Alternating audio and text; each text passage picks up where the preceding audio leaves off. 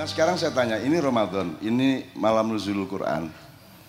Terus Anda selalu menca men Anda menjadi konsumtif dan menunggu ada karung emas turun dari langit. Atau nanti Anda pulang tiba-tiba di lemari Anda penuh tumpukan uang dolar Singapura, dolar Hong Kong, dan dolar Amerika. Amin, dasmu.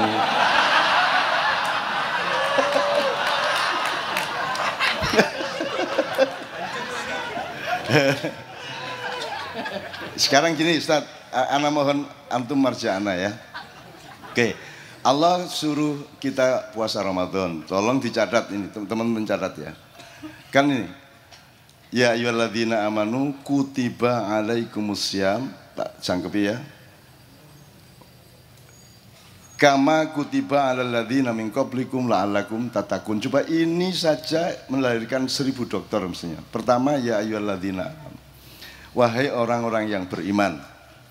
Dia Allah tidak menyuruh puasa kepada orang-orang yang di luar yang beriman, misalnya berilmu, enggak. Ber apalagi yang lain. Berdeposit banyak, enggak. Jadi yang disuruh oleh Allah adalah yang beriman. What is iman? Nah, mari kita cari nisbahnya iman di mana? Misalnya ada sesuatu yang Anda bisa mencapainya dengan iman karena Anda tidak mungkin mencapainya dengan ilmu. Anda tidak bisa menghitungnya. Anda bisa meneliti siapa yang akan menang pilkada, tetapi selebihnya Anda hanya memakai iman karena penelitian itu belum tentu merupakan ilmu yang bisa tepat persis seperti yang nanti terjadi kan begitu. Jadi ada sesuatu yang dicapai dengan iman, ada sesuatu yang dicapai dengan ilmu. Kalau sesuatu dicapai dengan iman, itu sebabnya karena ilmu tidak bisa mencapainya, ngerti nggak mas ya? Kenapa kita percaya? Karena kita nggak tahu. Maka percaya aja kan gitu. Itu. Itulah sebabnya ada sertifikasi halal di warung-warung. Ya. Kuncinya cuma bahwa Anda percaya sama sertifikasi itu. Kan gitu. MUI juga percaya sama sertifikasi yang dia bikin sendiri. Bahkan seharusnya kalau Anda mau pakai ilmu, setiap warung harus ada lab. Setiap warung harus ada petugas MUI. Setiap mangkuk bakso harus disetorkan ke labnya MUI, diselidiki, dicoba-coba di lab. Kalau jelas halal baru disuguhkan ke pembeli. Jadi bisa bisa Anda bayangkan lamanya kita mau beli bakso itu. Gitu. Kan setiap produk harus diverifikasi. Nah karena kita tidak mungkin melakukan itu maka pakai kasih sertifikasi. Saya lapor ke MUI yang saya jual ini, begitu saya dapat surat nanti saya jual yang berbeda. Gimana? Yang saya laporkan ke MUI tidak pakai babi, begitu saya jualan pakai babi mau apa kamu? Siapa yang tahu? Nah jadi teman-teman sekalian kita ini harus punya tempat yang tepat setiap saat. Sampai-sampai naik motor dari Lampung ke sini itu karena kita ingin memperbaiki makomat kita, ingin memperbaiki ruang dan waktu di mana kita harus tepat apa namanya berada. Kemarin kita di Jombang ada drama kelahiran di Padang Bulan ya salah satu pemain yang mewakili nafsu hitam itu namanya Mas Eko Winardi. Mas Eko Winardi itu memberi jariah luar biasa kepada urusan sampah. Dia ngurusin sampah di Timika, kemudian dia ngurusin sampah di Bali dan dia punya pendapat sederhana tapi sangat luar biasa. Dia tujuannya adalah menghilangkan kata membuang sampah itu dihilangkan. Tidak ada sampah dibuang. Yang ada menaruh sampah di suatu tempat pada tahap tertentu untuk digunakan entah menjadi apa berikutnya. Karena di dunia tidak ada tempat untuk membuang-buang. Tidak ada. Karena Allah tidak pernah membuang, semua daur ulang, semua dauria, ya toh? Apakah tai Anda bermanfaat untuk Anda? Saya tanya. Bermanfaat enggak? Sangat bermanfaat. Akek mulak tai gajah, mani gajah. Maninya gajah aja bermanfaat. Teletong sapi bermanfaat. Maka jangan buang teletong sapi, tapi letakkan, taruh teletong sapi di suatu tempat di mana kamu punya dinamika ilmu untuk mengolah teletong sapi menjadi sesuatu yang bermanfaat berikutnya. Misalnya kompos. Itu ya, teman-teman mas ya. Jelas ya. Nah, polisi pembangunan harus taat kepada dauriah ini. Taat kepada ekosistem, taat kepada metabolisme alam semesta di mana manusia terlibat di dalamnya untuk menjadi pemimpinnya. Tuh. Saya kembalikan kepada dasar kutiba alaikumusiyam yang diperintah yang beriman. Kalau Anda merasa tidak beriman, tidak usah puasa. Enak toh? Jadi rek mangan awan-awan ditakon kok nggak poso, aku belum beriman kok. Ah, gitu. Beres. Ya oke. Okay. Saya berharap tidak terlalu lama saya, tapi saya kalau Anda tidak tahu penempatan ini, maka ketika Anda disuruh baca puisi, suruh menyanyi, itu orang yang meminta Anda baca puisi harus sudah ikut mencarikan satu formasi atau nisbah di mana puisi itu betul-betul memang diperlukan pada ruang dan waktu yang tepat itu. Tidak boleh tiba-tiba aja dilempar yang gitu. Harus ada kalau kata Kiai Kanjeng harus ada nih. Sebelum kenduri harus ada tikernya, atau harus ada tempat-tempat untuk ambengannya dan seterusnya kan begitu. Nah, makanannya menjadi bermanfaat karena sudah ditempatkan tidak hanya di ruang dan tata Eh, tata prasmanan yang baik tapi juga di waktu yang tepat sesuai dengan komprehensi dari keperluan manusia. Kayak itu yang ya ayyuhalladzina amanu. Kemudian kutiba. Kutiba itu kan aslinya kan dituliskan, tapi maksudnya kan diundang-undangkan ya. Hmm, saya. Ditetapkan. Ditetapkan. Kutiba itu kitab itu sesuatu yang ditulis, katib itu sesuatu, orang yang juru tulis ya. Kalau kutiba itu sesuatu yang dituliskan atau di ditetapkan kalau mau lebih pragmatis diundang-undangkan. Kalau mau pakai cara berpikir yang liberal itu dipaksakan. Ya enggak? Kamu dipaksa sama Allah. Ayo poso ayo ayo. Itu kan ayo ayo ayo ayo jangan diteruskan wis imsak ayo ayo ayo wis wis wis aduse aduse kan gitu kadang-kadang imsak diterjang aja sama anak-anak Jadi Anda itu dipaksa atau sama Tuhan? Aslinya enggak, ya enggak? Kenapa Anda dipaksa melakukan sesuatu? Nah, di sini ada ada setting psikologi, setting mental, setting sosiologi, antropologi segala macam, ada ilmunya di belakang itu. Pasti Anda harus dipaksa melakukan sesuatu yang dasarnya Anda tidak suka melakukannya, maka perlu strategi untuk memaksa Anda. Maka ada kewajiban. Kewajiban itu ditetapkan karena Anda tidak suka. Kan itu awalnya. Jadi ketika Anda sudah menikmati puasa, Anda harus mencari puasa yang yang lebih tinggi yang Anda belum suka. Gitu loh. Kalau kelaparan itu sudah nikmat bagi Anda, maka Anda harus cari puasa yang lain. Maka ada siam, ada saum. Di Quran ada dua kata, satu siam. Kalau Anda ngomong mengenai Siti Maryam yang oleh Allah tidak boleh berbicara kepada siapa pun dan harus bertapa di dalam kamar, itu bahasanya bukan siam tapi saum. Jadi siam itu artinya Anda secara teknis kuliner tidak makan dari subuh sampai maghrib dan tidak melakukan sejumlah hal yang lain, itu siam namanya. Ramadan ini kita kewajiban untuk siam, kutiba alaikum siam. Kalau saum, anda tahu, kalau Anda di surau dulu kan nawa itu saumal ghodi. Kenapa kok tidak siamal ghodi? Kenapa tidak? Kenapa tidak? Kalau untuk segar tidak makan dari subuh sampai maghrib, enggak usah niat-niat sudah mesti jadi lah. Apa susahnya cuma enggak makan aja kok. Tapi ternyata puasa tidak hanya itu. Puasa itu harus dari, dikembangkan dari siam menjadi saum.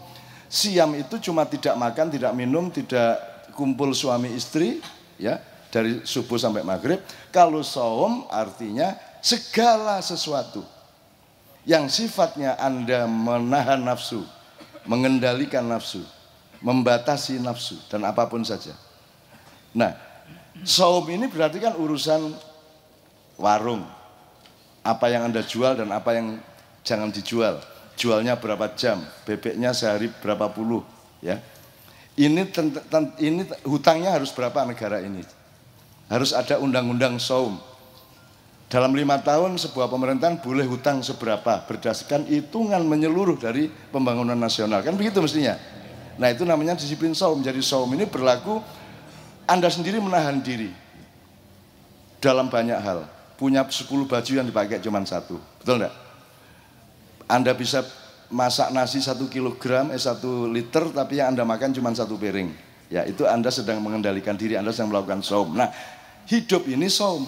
Seluruh hidup ini harus pakai strategi saum kan begitu. Polisi pemerintah, anda perlu mencalonkan diri apa tidak, itu Anda harus bertanya kepada kaca benggala yang namanya som itu dan seterusnya. Jadi jadi Kenapa nawa itu? Nawa itu saumal ghoti an adai fardhi syari. Ramadhani hadihi sanati fardhon. Lillahi ta'ala lillahi ta'ala. Masih inget tak? Tidak inget dong dulu tidak pernah. Itu generasi old yang gitu-gitu itu. Anda kan milenial milenial kan itu. Ah jadi ternyata niat kita itu tidak berhenti pada puasa Ramadan, tapi kita mengaplikasi siam itu menjadi saum-saum di segala perilaku kita. Baik dalam konteks individu, keluarga, kemasyarakatan, kebudayaan, pemerintah, negara, itu semua harus kita landasi dengan strategi saum itu. Tapi kalau tidak Anda pasti hancur, pasti hancur. Kalau Anda tidak melakukan saum dalam hidup Anda, pasti hancur. Berapa banyak Anda harus boleh makan nasi sehari, gulanya masih masih produktif apa sudah sudah kontraproduktif bagi badanmu? Semua makan nasi apa tidak? Anda anda harus saum. Itu segala macam. Berapa yang anda belanjakan? Anda apa harus selalu memenuhi keinginan anda? Ada keinginan yang sebaiknya dipenuhi ada keinginan yang sebaiknya tidak dipenuhi. Bahkan dalam ilmu ada banyak hal yang perlu anda ketahui bahkan ada yang wajib anda ketahui tapi sangat banyak hal lagi yang anda tidak perlu tahu bahkan jangan sampai tahu. Contohnya aurat. Badan itu ditutupin kata Allah, aurat itu koti ya. Kot itu artinya tuh sudah ketetapan dasar bahwa Anda harus menutup pakaian. Makanya kalau di Jawa ada sandang, pangan, papan. Tidak boleh dibalik, tidak boleh papan, pangan, sandang atau pangan, papan, sandang. Jadi Anda berpikirnya bukan ya sudah enggak apa-apa yang penting makan saya enggak katoan enggak apa-apa. Ya enggak boleh ngomong gitu ya toh, ya. Kita berpikirnya, oke okay, enggak makan enggak apa-apa asal saya masih berpakaian, betul enggak? Saya enggak jadi pejabat enggak apa-apa asal saya masih punya kehormatan sebagai manusia di depan masyarakat. Yang begitu kan? Cara kalau sekarang kan enggak. Enggak apa-apa enggak punya kehormatan asal saya jadi bupati. Kan begitu? Sehingga enggak malu-malu dia menunjukkan sakit jiwanya dengan baligo-baligo di mana-mana itu. Kan? Karena dia sudah tidak punya hitungan makomat dan nisbah tadi itu. Oke, saya saya teruskan saya ingin mempercepat.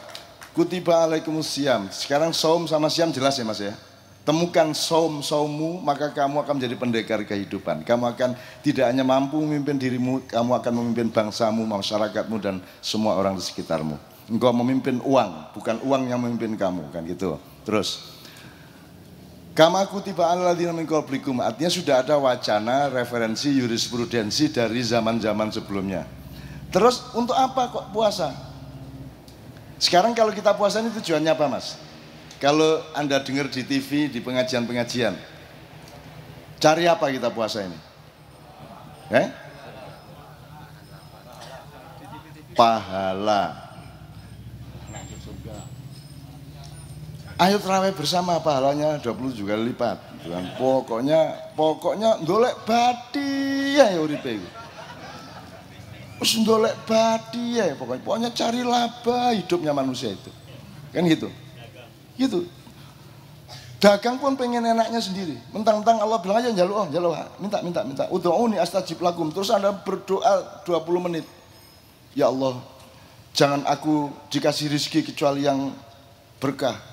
Jangan dikasih bahaya kecuali kecuali yang engkau menahannya sehingga tidak berbahaya bagiku. Janganlah engkau pertemukan aku dengan orang yang membahayakan aku.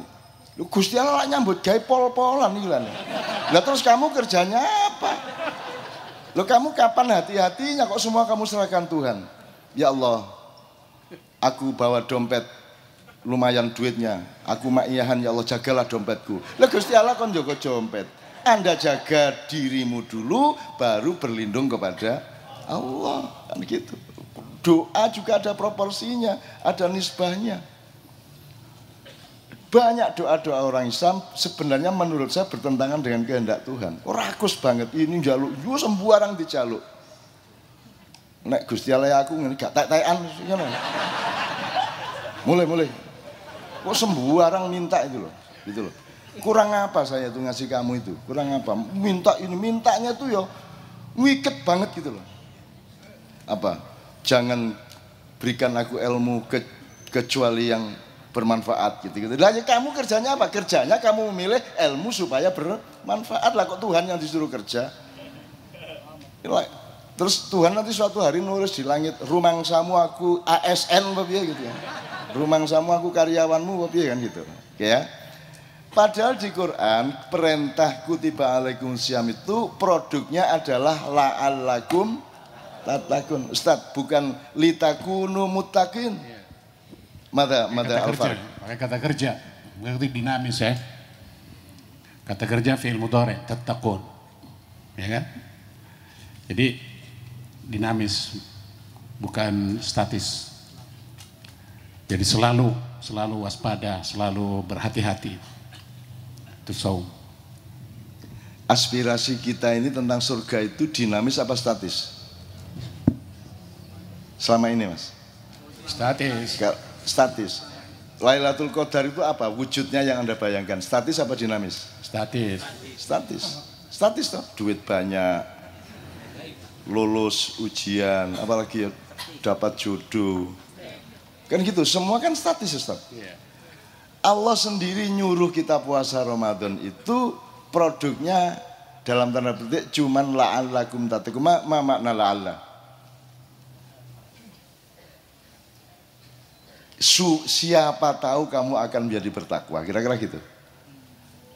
Atau kalau dari kalau kita yang ngomong, mudah-mudahan kita menjadi bertakwa bukan menjadi mutakin, yeah. bukan menjadi orang yang bertakwa, tapi mudah-mudahan menjadi orang yang yang mengusahakan takwa bukan kalau la'allakum la'allakum uh, la'allakumul muttaqin beda dengan la'allakum tattaqun. Jadi di situ kata kerja ya, kata kerja. Siapa pekerja utama dari kehidupanmu? Kamu sendiri kan begitu. Maka yang mengusahakan bertakwa apa tidak engkau sendiri. Bahwa nanti Allah nolong kamu, memberi jalan yang mudah bagimu, menunjukkan hal-hal di depanmu, itu bonus. Itu namanya rizki dan kemurahan Allah. Tapi kita sendiri yang harus bekerja. Oke ya. Itu itu bahwa kita ini hidupnya itu la Allah itu tadi. Posisi makanya tadi saya tanya, Anda di masa silam apa masa kini apa masa depan? Tidak pernah. Lagi nah, ngomong satu kata sudah terdiri dari gimana? Saya ngomong apa? Sekarang Begitu K, se-nya masa silam. Begitu rang, K-nya masa silam. Kan begitu. Kita tidak pernah hidup sekarang. Begitu dinamisnya. Maka surga digambarkan Allah tajri min tahtihal anharu khalidina fiyah.